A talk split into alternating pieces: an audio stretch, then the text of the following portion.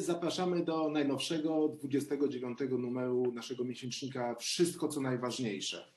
Y, najważniejsze trendy ostatniego półtora roku to oczywiście pandemia, ale to również bardzo głębokie spory światopoglądowe, y, rozdzielające na pół właściwie cały świat zachodni. I trudno, żebyśmy w naszym miesięczniku abstrahowali od tych wydarzeń, od y, prądów, które decydują o naszym życiu tu i teraz.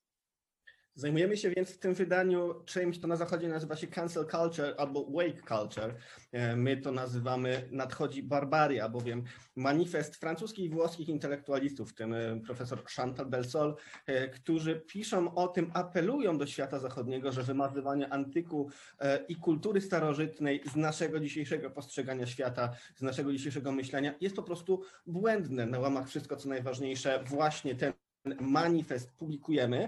Publikujemy również fantastyczny tekst, który dopowiada i tłumaczy e, te słowa właśnie profesor Chantal del Sol, a dalej e, Jan Rokita o tym, że czyścimy przeszłość. Nie my, ale właśnie te trendy intelektualne chcą wyczyścić przeszłość i nie jest to pierwszy raz w historii, kiedy to widzimy. W bloku tekstów o współczesności, o prądach światopoglądowych mamy również bardzo ważny tekst, niezwykły tekst, zaskakujący tekst, tekst uderzający, szokujący już od nas samych jako redakcję, gdy go pierwszy raz ujrzeliśmy w oryginale jeszcze po francusku.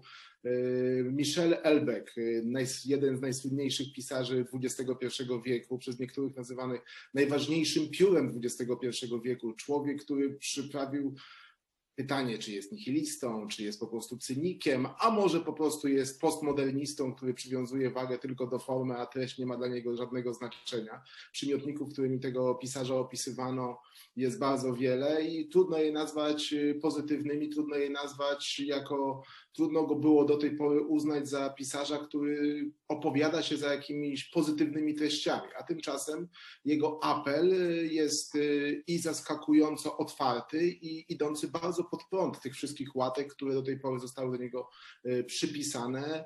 Michel Elbeck staje bardzo mocno przeciwko przeciwko eutanazji. Uważa, że cywilizacja, która zgadza się na eutanazję, eutanazję, on nazywa to wprost zabijanie innych, zgodę na zabijanie. Cywilizacja, która zgadza się na zabijanie innych, nie ma prawa istnieć i de facto powinna być zanihilowana.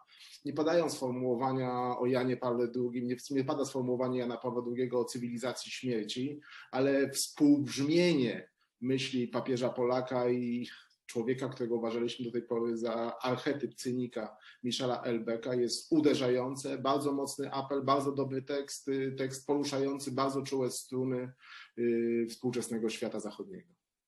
Kiedy mówimy o świecie zachodnim, trudno oczywiście nie spojrzeć za nasze polskie zachodnie granice, czyli na Unię Europejską, na Niemcy, Francję, na kor, na rdzeń Unii Europejskiej.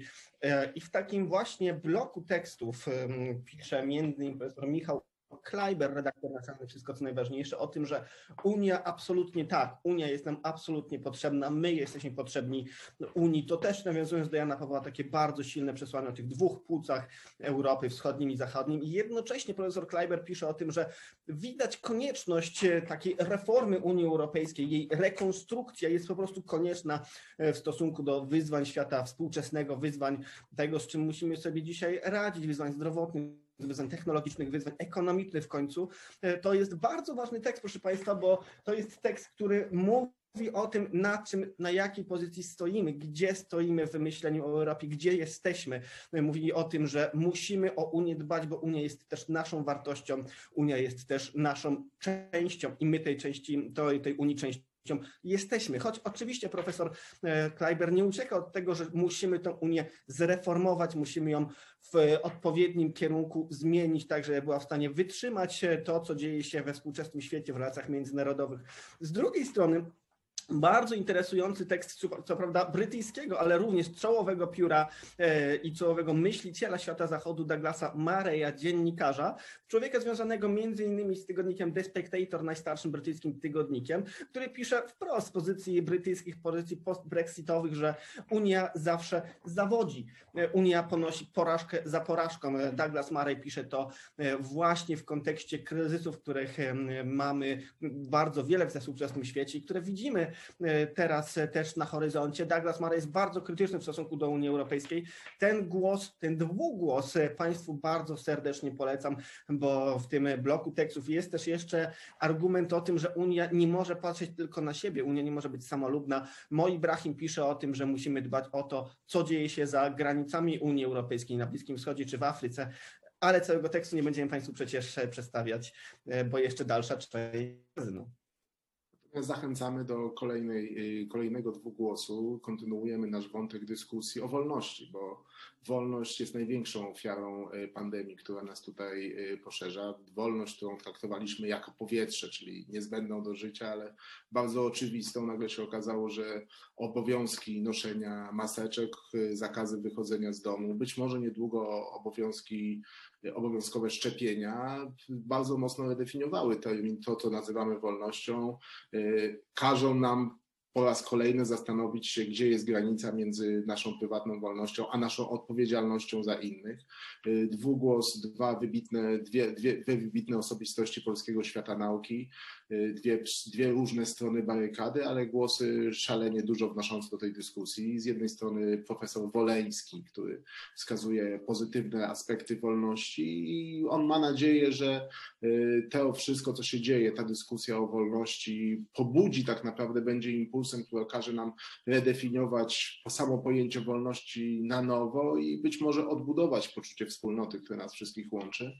A z drugiej strony y, ksiądz profesor Stanisław Kowalczyk, zasłużony wykładowca Katolickiego Uniwersytetu Lubelskiego, jedna z ikon dyskusji o wolności w Polsce, autor ważnych książek temu poświęconych, który zwraca uwagę, że liberalizm, myśl ideowa która wydawałaby się być przedłużeniem ideowym samego terminu wolność, jest tak naprawdę tejże wolności zaprzeczeniem. On bardzo precyzyjnie wywodzi, pokazuje w jaki sposób liberalizm ewoluował w kierunku tego, żeby stawać się, na, żeby znaleźć się na antypodach wolności. Bardzo, bardzo ważne teksty, bardzo aktualne, ale jednocześnie będą dyskutowane i będą w naszych głowach jeszcze przez wiele innych lat. A na zakończenie tego numeru e, głos prosto z Rosji. Roman Berczenko pisze o zbliżającym się konkursie Chopinowskim.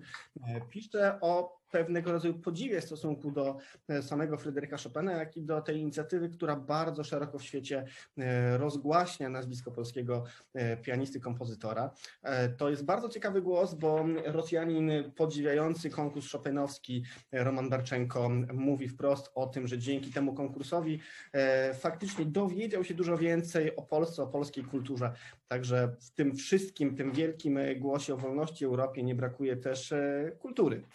I zapraszamy Państwa bardzo serdecznie do lektury najnowszego wydania Wszystko co najważniejsze, które już e, w Empikach, w dobrych stronach prasowych i oczywiście wysyłkowo na sklep idai.pl. Zapraszamy.